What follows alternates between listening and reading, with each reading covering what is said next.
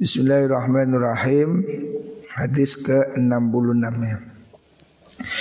Idza staiqadha ar-rajul minal laili wa aiqadha ahlahu wa shallaya rak'ataini kutiba minadz dzakirin Allah katsiran wa dzakirat.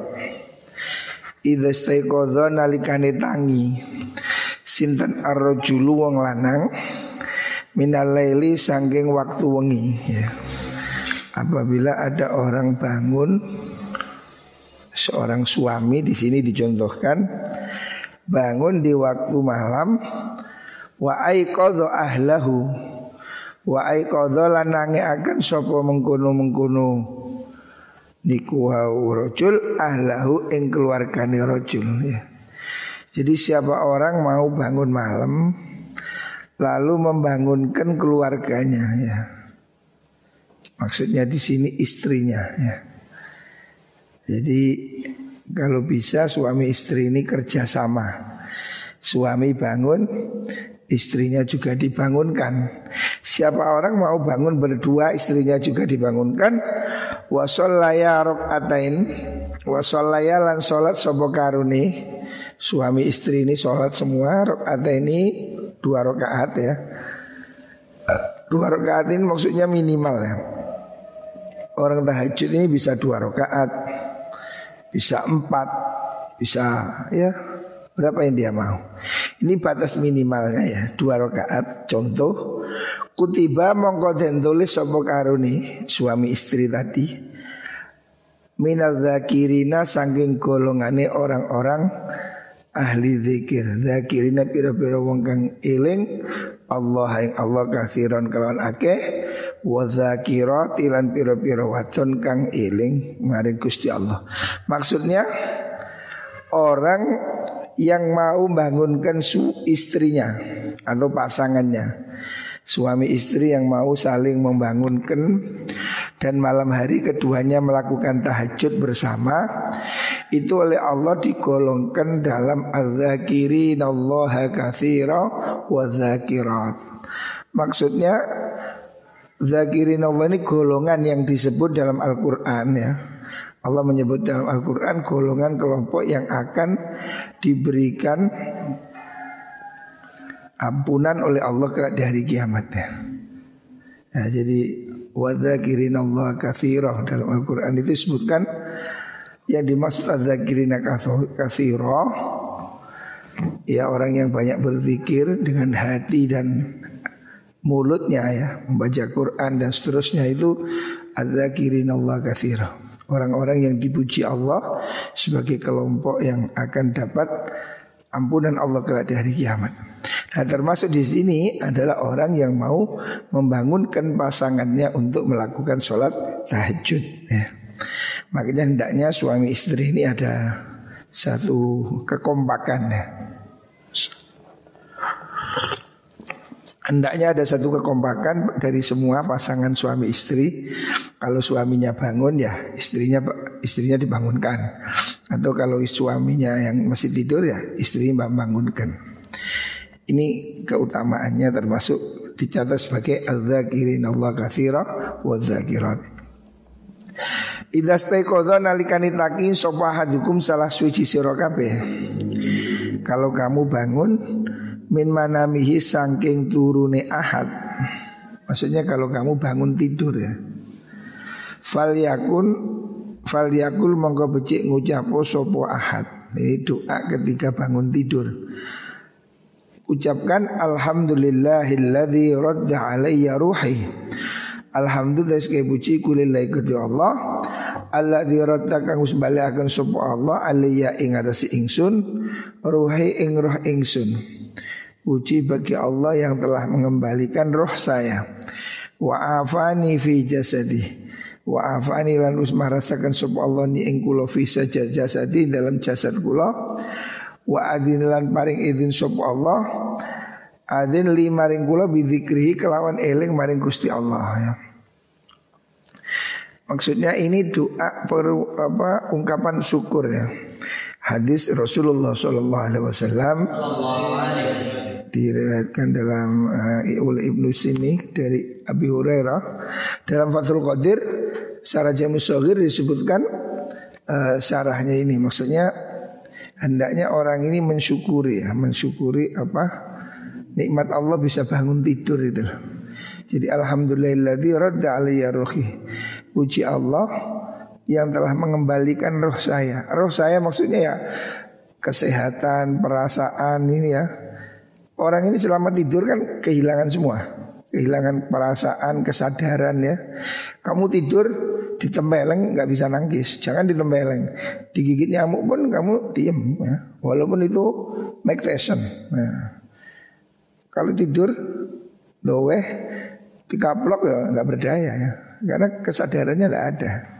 Jadi harus bersyukur kita pagi ini sudah bangun bersyukur Alhamdulillahi Rabbil Alamin Syukur Allah sudah berkenan mengembalikan kepada kita kesadaran kita, roh kita, kesadaran kita.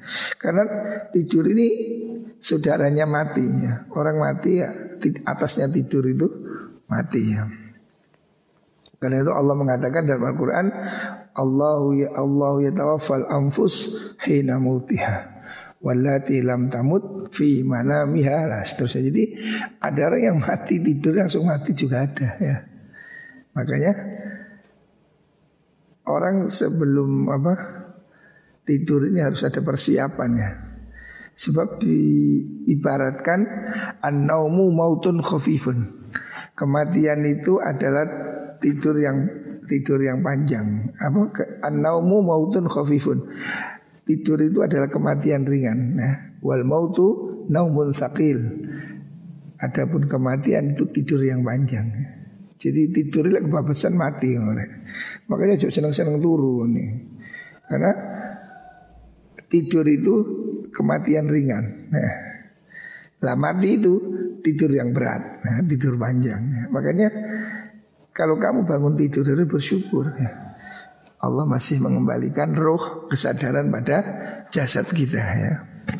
Hendaknya orang itu baca doa ini walaupun dia sakit sekalipun tetap harus bersyukur ya. Hidup ini nikmat. Ya walaupun pilek, walaupun flu ya. Tetap orang ini sudah mengucapkan Alhamdulillah Alhamdulillahi alladhi Radda alayya ruhi Ya Allah matur nuwun nyawa saya masih dikembalikan. Walaupun walaupun ada ada flu, ada pilek, ada apa? demam ada ya, tetap disunahkan untuk mengucapkan doa ini. Wa ali bidzikri, puji Allah yang telah memberi izin kepada kita untuk masih mengingat kepada Allah ya. Ini orang masih ingat ya, punya kesadaran kita pagi ini masih sholat subuh, masih mau ngaji, ini kan izin dari Allah ya.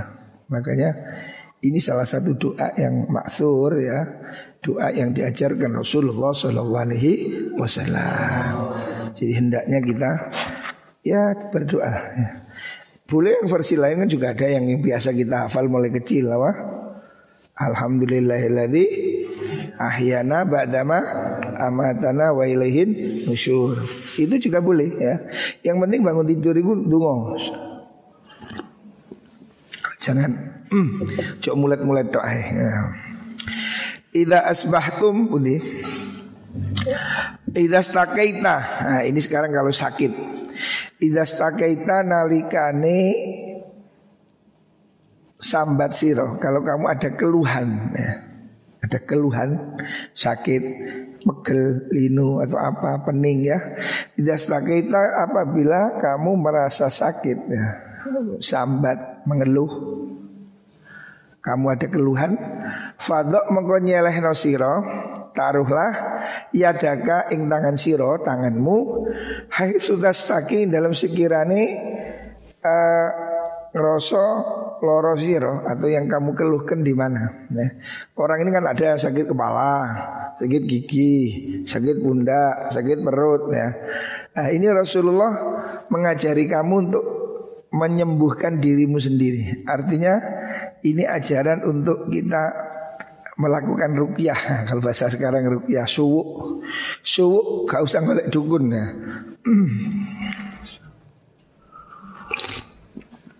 Kamu bisa merukyah menyuwuk dirimu sendiri ya. Catat ini resu. Hai sudah di mana ada keluhan ya. Sumakul kemudian ucapkan ucap sirah. Ucap apa? Iki subuhnya. Bismillahi a'udzu bi izzatillah wa qudratihi min syarri ma ajidu min wajai hadha. Nah, ini subuhnya ya. Perhatikan. Siapa orang sakit ya, anggap tubuhnya yang mana? Oh sakit kepala atau sakit perut, sakit ini di mana pun kamu sakit, ucapkan ya, kul ngucap Bismillah.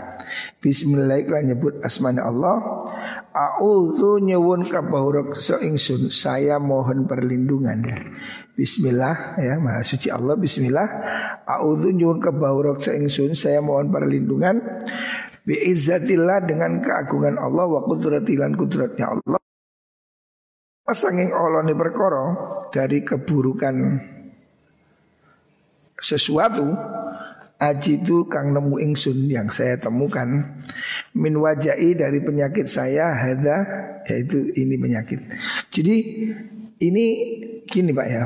Kamu ini harus bisa menyuwuk menyuwuk ya mengobati dirimu sendiri ya. Jadi ini satu terapi salah satu yang terbaik. Kamu itu harus punya sugesti ya, sugesti untuk dirimu ya. Itu yang apa apa istilah self healing ya. Orang itu harus bisa menyembunyikan menyembuhkan dirinya ya, mengobati dirinya ya. Ini salah satunya diajarkan Rasulullah. Ini dalam versi bahasa Arabnya begini. Mungkin tiruannya bisa dalam bahasa Indonesia ya. Seperti hari ini nih, ini kan musim corona. Kita ini kan mau lari ke mana ya? Sulit kan? Orang tidak keluar sama sekali ya gimana? Hah?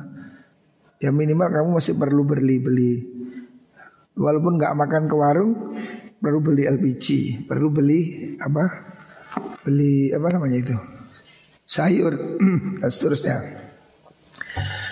Orang ini Tidak mungkin tidak keluar sama sekali Tidak mungkin orang tidak keluar sama sekali ya Pasti orang ini ada kebutuhan ya Tidak tahu kalau sudah nyimpen apa sembako. Orang ini pasti ada kebutuhannya. Makanya musim corona ini mungkin sulit untuk 100% hanya di mana?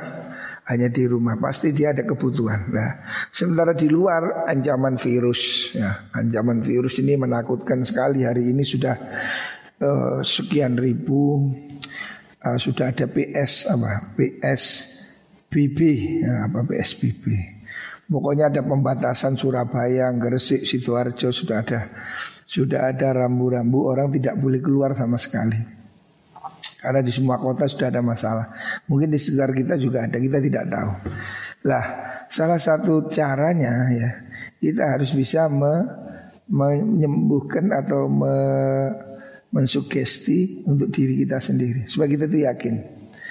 Apa yang harus kita lakukan? Ya doa itu. Eh, seperti ini Nabi mengajarkan doa ya. Ini hadis Rasulullah Wasallam mengajarkan untuk mengobati diri. Bismillah, a'udzu biizzatillah wa qudratihi min syarri ma ajidu min wajai hadza. Ya, ini diajarkan Nabi. Terjemahnya dengan nama Allah saya berlindung atas keagungan Allah ya dan kudrat kekuasaan Allah min syarri ma ajidu dari keburukan apa yang saya temui jadi keburukan kejelekan apa yang saya rasakan min wajai dari penyakit saya hadza ini ya jadi Nabi mengajarkan kita ini melakukan diskusi dengan diri dengan Tuhan ya. Jadi makanya zaman dahulu ya ulama-ulama dahulu ulama Jawa ini itu kan ini bahasa Jawa. Allahumma kitra kitri Sukih bebek sukih meri oh, Ini bahasa Jawa Karena apa? Karena orangnya paham gitu lah Orang dahulu itu kan dungonya bahasa Jawa ya. Dungo Jawa ditambahi akhirnya La ilaha illallah Muhammadur Rasulullah. Doa Jawa itu rata-rata dulu begitu. Bahasa Jawa karena ngajari orang bahasa Arab mungkin sok repotan. Nenek saya aja cerita. Dulu ngajari orang niat sholat bahasa Arab itu susah. Usolli fardhu zuhri arba rakaatin itu sulit katanya nenek saya. Usali usali us, us, usali usangel. Fardhu itu perdo ngono bingung gak tepat-tepat. Rokaatin itu katanya nenek saya ngajari orang arba rokaatin.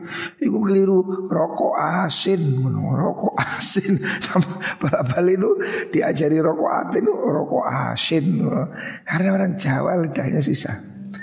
Makanya ulama Jawa ini dulu punya kearifan lokal. Pujian-pujian Jawa. Dulu kita ini sebelum sholat ada pujian Jawa, ya bahasa Jawa eman temen wong kang ayu gak sembayang umpamanya. Jadi itu apa nasihat dalam bahasa Jawa. Tidak semua harus dalam bahasa Arab ya, kecuali sholat memang. Hadis ini Rasulullah mengajarkan orang supaya mensugesti dirinya minta kesembuhan pada Allah. Kalau dalam bahasa Arab Bismillahi a'udzu biizzatillah wa qudratihi min syarri ma ajidu min wajai hadza ya. Bahasa Indonesianya dengan nama Allah saya mohon perlindungan dengan keagungan Allah dan kekuasaannya dari kejelekan perkara yang saya rasakan dari penyakit ini ya. Caranya gimana?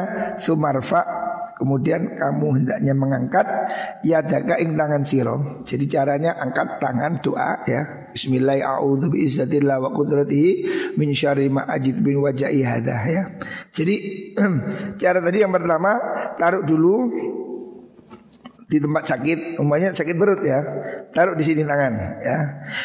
Tangan taruh di perut, ucapkan bismillahirrahmanirrahim biizzatillah wa qudratihi min syarri ma ajid bin terus diangkat. Terus ditempel lagi. Begini ya jadi angkat stempel lagi ya. Sumaid nulim baleni siro dalika ing mengkono doa witron kalawan ganjil. Ucapkan ini tiga kali atau tujuh kali. Jadi Nabi ini mengajarkan untuk orang bisa menyembuhkan dirinya ya. Nah ini dalam bentuk lain ya. Kalau kamu kesulitan bahasa Arab Boleh dalam bahasa Jawa ya. Hari ini maunya Kamu habis subuh ya atau setiap habis sholat ya kita kan yakin bahwa Allah itu ada siapa yang nggak percaya Allah ada dan Allah mendengar doa kita ya Allah melihat Allah mendengar ya makanya kamu tidak perlu susah-susah ya dan tidak harus bahasa Arab ya. Kalau kamu bahasa Arab lebih bagus. Ini diajarkan Rasul contoh dalam versi bahasa Arab ya. Bismillah a'udzu bi izzatillah wa qudratihi min syarri ma ajidu mi wajhi. Ini dalam bahasa Arab. Taruh sakit kamu, sakit kepala, sakit gigi ya. Baca, tempelkan tanganmu, angkat, tempel lagi, angkat, tempel lagi, angkat. Tiga atau berapa kali jumlah yang ganjil ya. Ini istilahnya metode penyembuhan diri. Dan ini sekarang banyak diajarkan ya. Orang supaya mensugesti dirinya sembuh gitu. Karena orang ini sebenarnya dari pikirannya. Orang ini kalau pikirannya sehat, dia akan jadi sehat. Tapi kalau orang itu pikirannya sakit ya, cenderung sakit ya. Maka kita harus memantai, merawat supaya pikiran kita ini positif ya. Supaya kita terus punya semangatnya. Supaya kita itu tidak sakit. Tadi saya ini pagi tadi ini sikilku kebentuk gak kerosok. Ya lumayan. Tapi kan karena kita tidak rasakan juga kerosok Coba kita sesali Ya losok, rosok ya. Jadi sakit itu bisa kita atasi ya. Kita atasi dengan sugesti. Nah salah satunya Rasulullah SAW Mengajarkan kalau kamu ada orang sakit ya Hendaknya dia yakin ya. Pertama yakin ya. Harus yakin. Yakin ini yang penting ya. Orang itu kalau yakin manjur ya. Saya ada cerita guyon orang Madura Orang Madura ini zaman dahulu kan jarang ke dokter, biasanya kan ke kiai. Kiai dikasih subuh. biasanya kalau ke kiai ini kan dikasih jimat subuh. Ada orang dari Madura karena anaknya di Surabaya, di bawah Surabaya. Ini tetangganya Farila mungkin orang desa. Madura desa. Terus ke Surabaya sama anaknya diantar ke dokter spesialis. Sama dokter dilihat dicek. Oh ini sakit. Kayak apa pak? Kayak tabu. Oh ya ya ya. Sudah. Kasih resep. Mau dokter spesialis kan nggak kasih obat kasih resep tulis. Gara-gara ya ini sudah. Nah, bawa dikira dikasih jimat. Ngomong turo biasa sikap senengannya makanya resepnya tidak dibawa ke apotek langsung diambilkan air dicemplung no diumbe sugestinya kuat ya sembuh. Oh sama Pak Dokter dikasih jimat. Jadi resepnya dicelup ke air diminum sembuh. Sembuh. Oh, sugestinya kuat. Bulan depan sakit lagi datang ke dokter Pak dokter saya minta dikasih azimat Loh saya ini dokter bukan dukun Kok kasih azimat loh Kemarin itu yang dokter kasih oret-oret itu Saya cemplungkan air Saya minum Enak pak dokter Waduh dokter loroteng Wow resep dijemplung no air. Ya inilah kami sugesti ya. Karena sugesti ya. Kuat. Saya ceritakan dulu itu ada orang zaman zaman dulu zaman zaman masih genting itu ada orang Chinese datang ke Kiai, Kiai, saya minta dikasih jimat supaya kebal. Ini banyak musuh, banyak rampok. Kiai ini asal-asalan. Ya saya no ke belakang juru santrinya ambil telek wedus. Coba telek wedus dibungkus dibungkus. Dia bawa. Waduh kau yakin sugesti. Sakti juga bacok bekal gak apa-apa.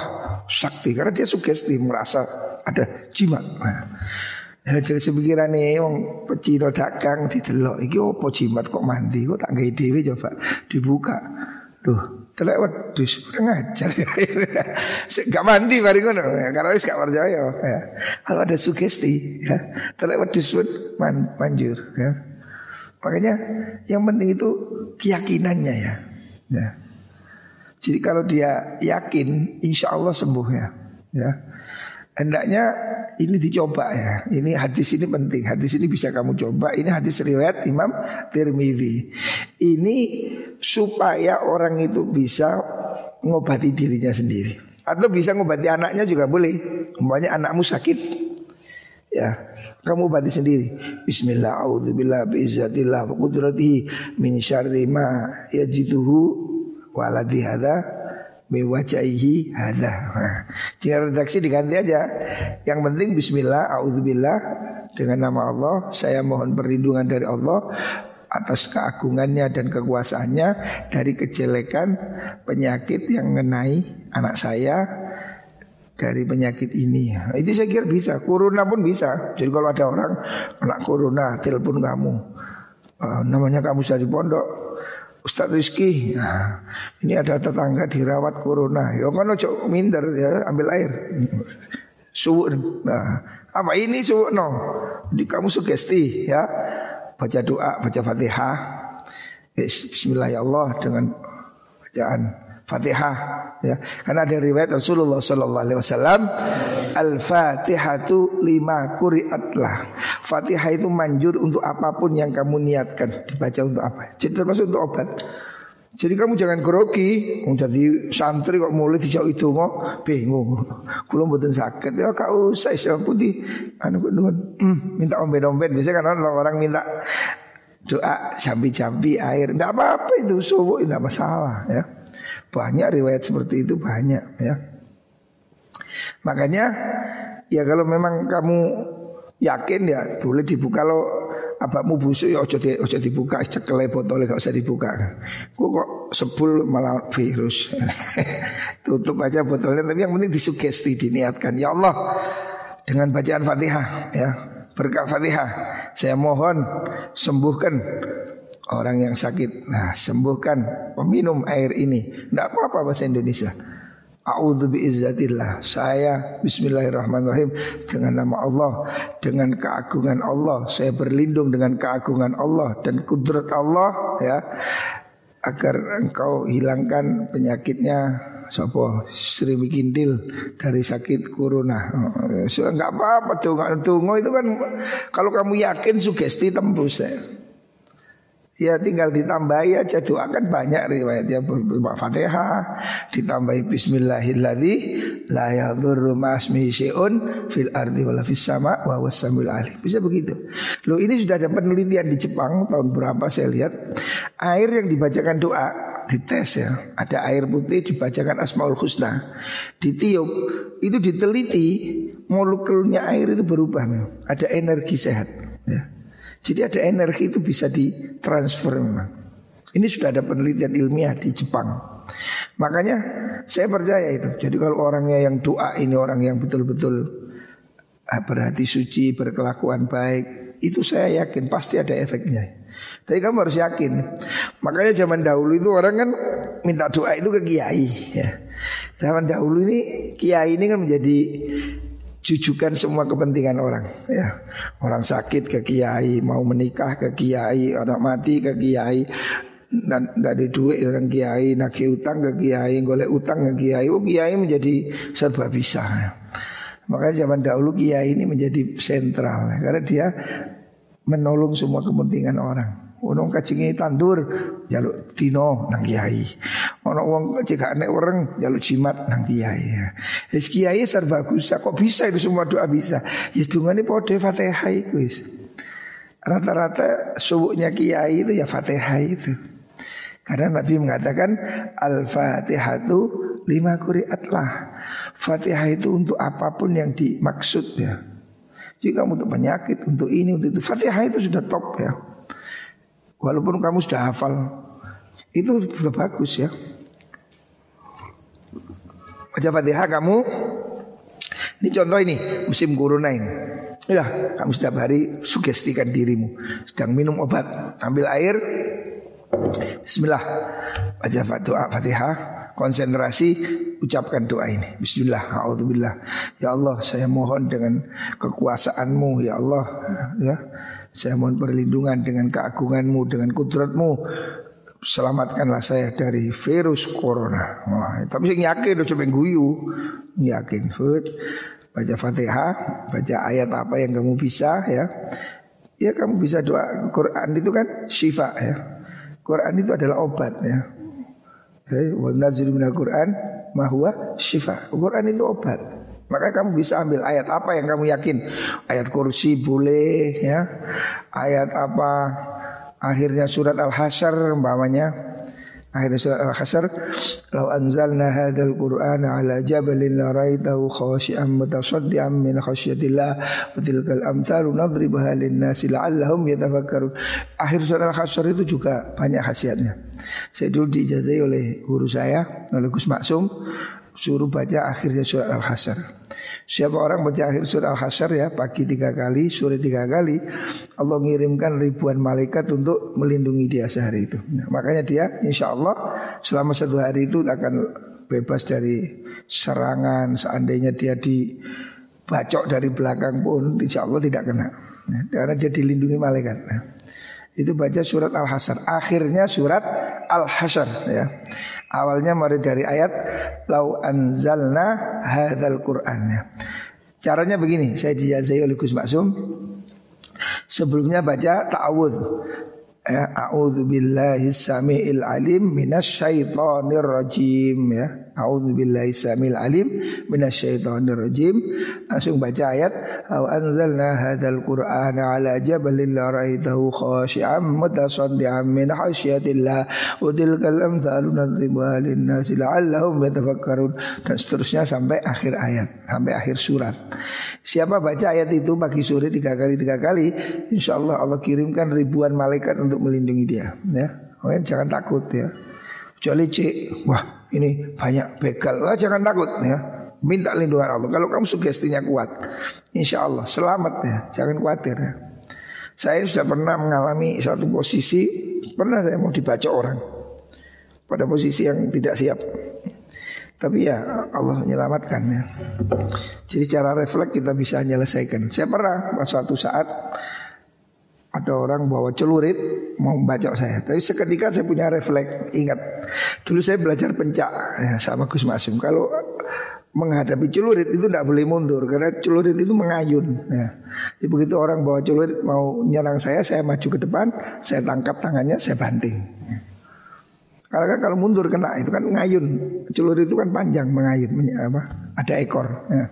Jadi begitu ada orang mau nyerang saya bawa celurit, saya maju, saya ambil, saya banting. Itu refleks aja ya. Jadi ya ini salah satunya begitu. Ini ayat ya Allah yang melindungi ya, yang melindungi hanya Allah. Nah, makanya uh, doa-doa ini penting ya. Doa-doa ini penting. Makanya saya nganjurkan di musim corona seperti ini eh ini kamu harus banyak doa ya. Salah satunya saya ijazahkan supaya baca akhir surat Al-Hasyr pagi tiga kali, sore tiga kali.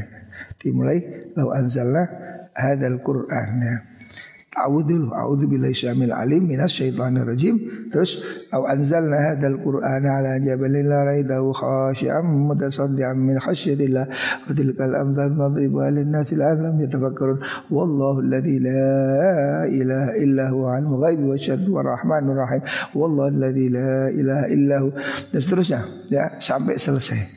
Ini untuk minta perlindungan pada Allah ya Insya Allah pagi sore baca tiga kali tiga kali kamu akan dilindungi Allah dari bahaya ya. Ya termasuk ini baca ini hadis ini Rasul mengajarkan Siapa baca Bismillah A'udhu biizzatillah wa qudratihi Min syarri ma ajidu Mewajai hadha ya. Ini kamu tiupkan di mana bagian tubuh yang sakit Ulangi tiga kali Jadi kamu harus sugesti yakin Yang penting yakin deh kalau nggak yakin ya repot ya. Gak mandi masuk untuk kayak obat jenis apa pun kalau kamu nggak yakin nggak manjur. Dokter itu bahkan kadang beri resep itu coba sugesti Ada orang nggak sakit ke dokter Ya dikasih vitamin aja Tapi dia sembuh Karena pak sugesti ya. Jadi sugesti ini sudah separuh dari obat ya. Makanya kalau kamu berdoa kamu harus yakin Jadi yakin Jadi kalau ada orang sakit kena corona ya minta dia doakan itu bacakan ayat kursi fatihah surat al hasr ya atau satu lagi akhirnya surat At-Taubah itu. Laqad ja'akum rasulun min anfusikum azizun alaihi ma'anitum harisun alaikum bil mu'minina raufur rahim itu juga bisa dibacakan. Dia banyak ayat Quran itu yang Allah itu menunjuk menurunkan obat ya. Wa nunazzilu minal Qur'ani ma huwa shifa ya. Allah turunkan Quran itu sebagai obat. Kalau kamu yakin sugesti baca satu ayat Al-Quran, doa kamu tiupkan, kamu minum ya untuk dirimu sendiri atau untuk orang lain ya. Insya Allah ya. Yang kalau yakin kita yakin pasti manjur ya. Yakin tapi harus ada di hati ya. Jadi ini bisa untuk melindungi diri supaya karena kita ini siapa yang bisa melindungi ya bisa ya. Wong dokter yang dikit yang itu masih kena ya. Berarti tidak ada yang bisa melindungi kecuali Gusti Allah. Makanya saya mengajarkan Ayo semua yang di rumah, di pondok Perbanyak doa ya. Pagi sore, pagi sore minimal ya. Bacakan ayat Quran yang kamu yakini, yang kamu mudah. Ayat kursi bisa akhirnya surat Al-Hasr, akhirnya surat At-Taubah atau ayat yang kamu yakini ya, termasuk bismillahirrahmanirrahim. Itu kamu yakini sambil doa ya Allah saya mohon kesembuhan, ya Allah saya mohon pengobatan, ya Allah. Artinya kita seperti doanya Nabi Yunus loh, Nabi Yunus kan pernah diuntal ikan. Kan sudah tidak ada harapan, sudah gelap kan diuntal jero iwak. Jadi dilempar dari kapal dipangan iwak hap. Wis jero utang. Udah enggak ya, gelap sudah enggak ada telepon enggak ada apa. Tapi beliau berdoa ya. Beliau mengatakan apa? La ilaha illa anta subhanaka inni kuntu minal zalimin ya. Jadi la ilaha illa anta subhanaka inni kuntu minal zalimin mengakui diri zalim. Jadi mengakui menobati kesalahan dirinya. Ya Allah kami banyak dosa ya Allah kami penuh kesalahan ya. Kita membuat pengakuan pada Allah. Ya Allah saya mungkin banyak dosa, banyak kesalahan, banyak kekhilafan ya Allah. Tapi saya mohon rahmatmu, mohon saya diberikan kekuatanmu, petunjukmu, pengobatan darimu ya Allah. Dengan berkah baca ayat kursi, pokoknya ini berilah saya kesembuhan. Ya, kamu sugesti setiap hari, pagi, minum ke air, minum. Atau minumkan siapa yang sakit ya. Kita minta kesembuhan dari Allah yang bisa menyembuhkan hanya Gusti Allah. Obat itu cuma lantaran ya. Obat itu cuma apa? ya hanya media. Semua yang bisa menyembuhkan hanya Gusti Allah. Yes, itu doa supaya dibaca. Yang nggak hafal cari ini kitab kitab apa ini? Mukhtar hadis hadis ke 68 ya. Ini doa untuk mengobati semua jenis penyakit ya. Semua jenis sakit apa pun ya. Ini termasuk dari uh, tibir rohani ya. Ini pengobatan rohani ya. ya. Kalau bisa ya itu tujuh kali ya. Kamu bacakan doa itu apa aja wis yang kamu baca itu hendaknya menyuwuk ya rukyah itu satu ayat ulangi tujuh kali ya. Karena itu di situ ada sirinya ya, itu ada sirinya. Jadi ada rahasianya ya. Jadi kamu yang yakin, yang penting yakin loh, yang penting yakinnya ini loh. Jadi kamu harus sugesti. Makanya agak iso bahasa Indonesia, bahasa Jawa tidak apa-apa ya. Sugesti bahasa Indonesia. Ya Allah, Engkau maha kuat, Engkau maha perkasa. Kami lemah, kami banyak dosa. Mohon pertolonganmu ya Allah. Bahasa Jawa gak apa-apa. Sugestikan ya. Terus bacakan ayat Quran, Fatihah bisa, ayat kursi bisa apa tujuh kali.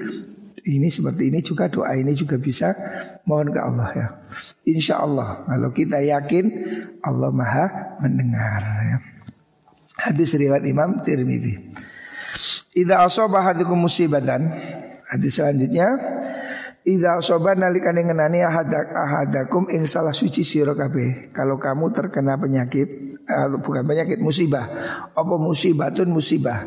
Kalau kamu ada kena musibah ya. Idza asaba ahadakum musibatun falyakul ucapkan inna lillahi wa inna ilaihi rajiun ya. Ini doa ketika musibah. Ada kematian, ada apa, kecelakaan. Madil ula Kesempatan yang pertama. Inna lillahi wa inna ilaihi rajiun. Ya Allah kita semua milik Allah dan kita kembali pada Allah Ini pasrah sudah. Allahumma indaka ahtasibu.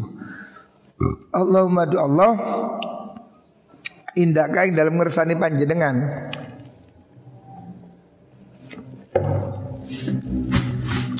Ahtasibu nyuwun ahtasibu nyuwun ganjaran ingsun. Ihtisab itu mohon pahala. Maksudnya Allahumma indaka ahtasibu ya Allah di sisimu kamu kami mohon apa pahala atau kami ya artinya kita ini sudah pasrah penjenengan ya Allah. Itu artinya saya enggak saya menerima apa pun ini ya.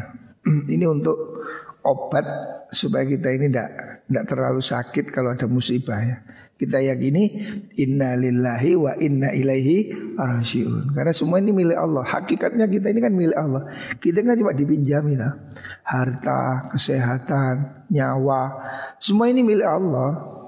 Jadi kalau diambil, ya wes ya saya kembalikan kepadamu ya Allah ya. Jadi jangan jangan menyesalinya. Kalaupun itu sudah takdir ya sudah kembalikan innalillahi wa inna ilaihi rajiun. Allah mudah Allah indakan nang saya panjangan asal sibung amri kanjaran kula musibah ing, ing musibah ingsun.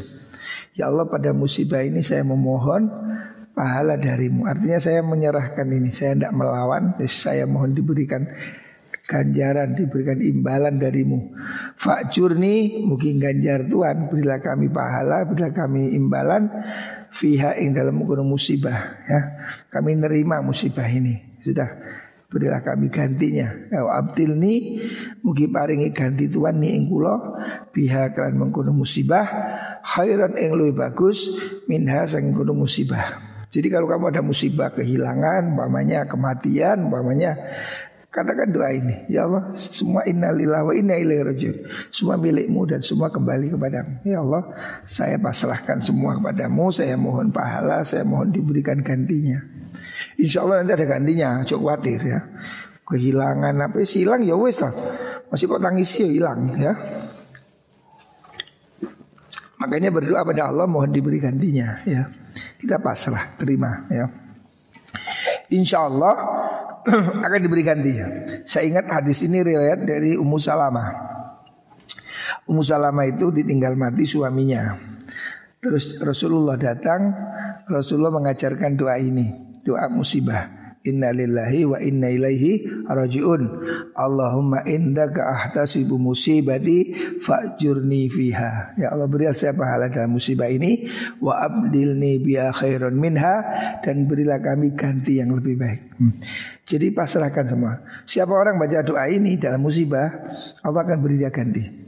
Rawi hadis ini saya ingat Ummu Salamah mengatakan saya ditinggal mati suami saya, saya diajari doa ini dan saya berdoa itu dan alhamdulillah Allah memberi saya ganti yang lebih baik. Apa?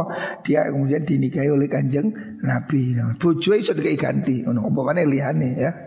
Mulai ganti suami ini kan repot. Nah, Allah beri ganti ya. Jadi kalau ada musibah jangan kecil hati ya.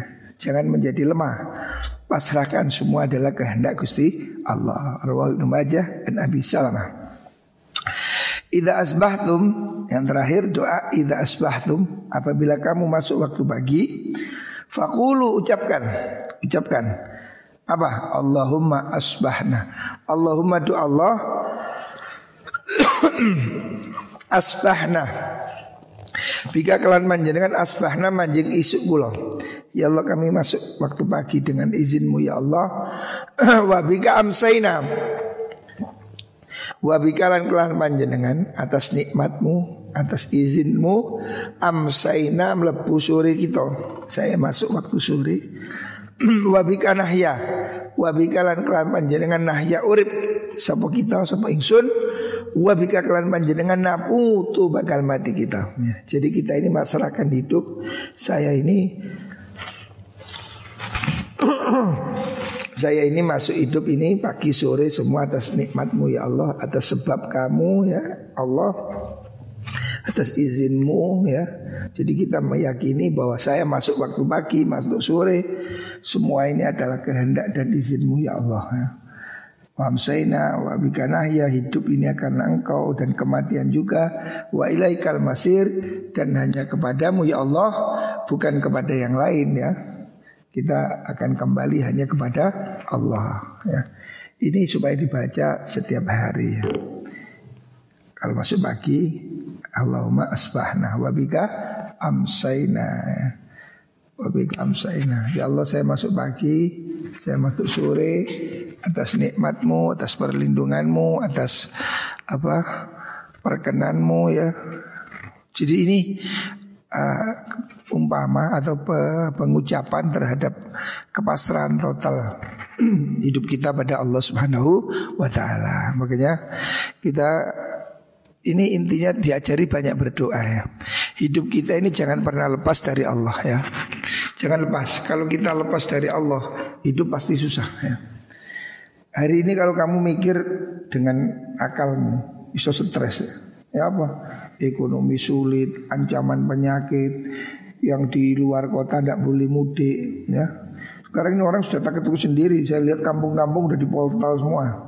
Kampung saya aja di portal itu kemarin loh, di portal, sana portal. Orang bu ketakutan. Emang penyakitnya itu naik mobil lah pokok di portal. Dan penyakitnya ini kan ya bisa dari pasar, bisa dari dari mana ya? Kan penyakitnya nggak naik kereta, nggak naik mobil. Sampai kemarin teman saya orang Kairo itu jengkel. Orang kan ini sekarang masjid di seluruh dunia ya, bukannya di Indonesia, di Mesir, di Saudi, masjid ditutup. Ya. Masjid ditutup. Kenapa dia bilang? Kenapa masjid ditutup? Padahal orang sholat di masjid itu paling 10 menit ya. Ketemu 10 menit dan itu pun bisa dilonggar. Kan tidak harus cecer. Jadi kita kan sekarang mulai diajari supaya supaya sholat itu agak renggang satu meter satu meter. Kan bisa diatur kan. Masuk umumnya nggak usah salaman. Biasanya kita masuk masjid salaman sekarang nggak usah salaman. Kan bisa. Jadi habis sholat sekarang kita nggak usah salaman ya. Kenapa? Ya ini dalam pencegahan corona. Kan masih bisa diatur. Seperti teraweh ini sekarang di mana ada pembatasan tidak ada teraweh kota-kota tidak teraweh Ya kalau kita terawih aja kenapa wong kita ini aman di sini di pondok. Kayak kalau menurut saya di mana situasi itu aman ya. Seperti kita ini di pesantren orang tidak keluar masuk, makmumnya ya terbatas ini. Kita bisa berhati-hati ya terawih aja. Kalau enggak ya masyarakat yang di rumah terawih di rumah silahkan sama istri, sama bapak, sama keluarga silahkan ya. Tapi tetap usahakan kita terawih ya. Jangan ibadah ini mundur. Ya. Kesempatan Ramadan ini mahal ya. Sekarang ini masjid-masjid menutup iktikaf, menutup terawih. Sedih ya. Kenapa sih kok tidak dikasih aturan aja umpamanya masuk masjid sanitizer pakai masker terus harus bawa sajadah sendiri terus jamaahnya renggang kan bisa diatur bisa saya kira ya Kenapa masjid jadi kurban ditutup itu saya sedih juga. Harusnya kan masih bisa pakai protokol. Coba kamu lihat dempetan mana orang di sawah eh di pasar dengan di masjid coba. Pasar kan oh ya perpekan dempetan. Di kereta api kamu lihat di metro, di mikrolet, di terminal orang berdesak-desak. Kok masih boleh? Padahal mereka di bis banyak Farila ke Surabaya kan dua jam dalam satu tempat, satu ruangan. Lebih bahaya mana? Dua jam di dalam bis dengan sepuluh menit di masjid. Ayo, bahaya mana? Saya kira bahaya di bis kan. Tapi kenapa kok bis masih boleh? Menurut saya ya harusnya total. Kalau mau total, total aja. Mas, pasar tutup, bis tutup, nah itu baru itu. Nah kalau orang masih bisa ke pasar, bisa naik bis kan kemungkinan penularan masih terjadi. Ya. Ada teman saya bilang, kenapa kok orang nggak boleh ke masjid? Dia bilang, tahukah kamu bahwa kenapa uh, yang ditutup hanya masjid, pasar nggak ditutup, kereta nggak ditutup, pabrik juga nggak ditutup loh. Pabrik-pabrik orang masih kerja, kumpul sehari di pabrik masih boleh. Kalau kumpul di masjid nggak boleh. Kenapa? Karena coronavirus ini santri katanya. Jadi dia hanya masuk masjid, tidak masuk ke pabrik, tidak masuk ke kereta api. Jadi dibikin humor. Nah, Lianna virus corona, virus mutadayin. Ya. Karena virus corona ini virus yang taat beribadah, hanya masuk ke masjid. Nggak masuk ke pasar, nggak masuk ke pabrik, nggak masuk ke mikrolet. Nah, makanya dilarang cuma masjid. Ini ironi ya. Saya kira ya pembatasan total ya hati-hati perlu memang. Saya percaya itu. Makanya kamu hati-hati ya, hati-hati. Kalau sudah rasa batuk harus segera obat ya. Dan jangan sampai kena orang. Harus segera berobat. Kalau saya ini bukan batuk, memang ada lendir di tenggorokan ini. Ini yang sudah lama nih, problem memang. Tapi ya kita tetap hati-hati ya. Mas setiap hari saya minumnya ini teh dikasih suruh, ini kan daun sirih. Daun sirih ini antiseptik ya. Antiseptik terbaik itu alami ini suruh ini. Ini depannya rumahnya aku sudah setiap hari saya. Jadi saya minum teh tak kasih suruh seperti ini. Hmm, ini antiseptik alami ya. Di daun suruh ini salah satu obat. Makanya kaki saya ini saya rendam air suruh. Ini antiseptik. Ya. Jadi ya kita tetap berusaha ya. Maka saya juga nggak pergi mana-mana. Ya batasi, kamu jangan ke pasar, jangan ke warung. Selalu sering pakai sabun atau pakai ini ya sanitizer ini saya punya buahnya ini. Di mana-mana sering sanitizer ya, sering cuci tangan ya. Terus kalau keluar harus pakai masker. Saya kira ikhtiar tetap ya. Tapi ibadah kita lakukan semampunya ya. Muka-muka semua diberi kesehatan oleh Allah ya. Mohon semua diberi perlindungan Allah Subhanahu wa taala. Jadi kalau saya kalau perlu keluar ya keluar aja tidak apa-apa. Yang penting kita dipakai masker, kalau kaos tangan atau sanitizer ya. Kalau nggak keluar sama sekali ya susah memang ya. Yang penting kita mohon Allah semoga semua dilindungi Allah Subhanahu wa taala.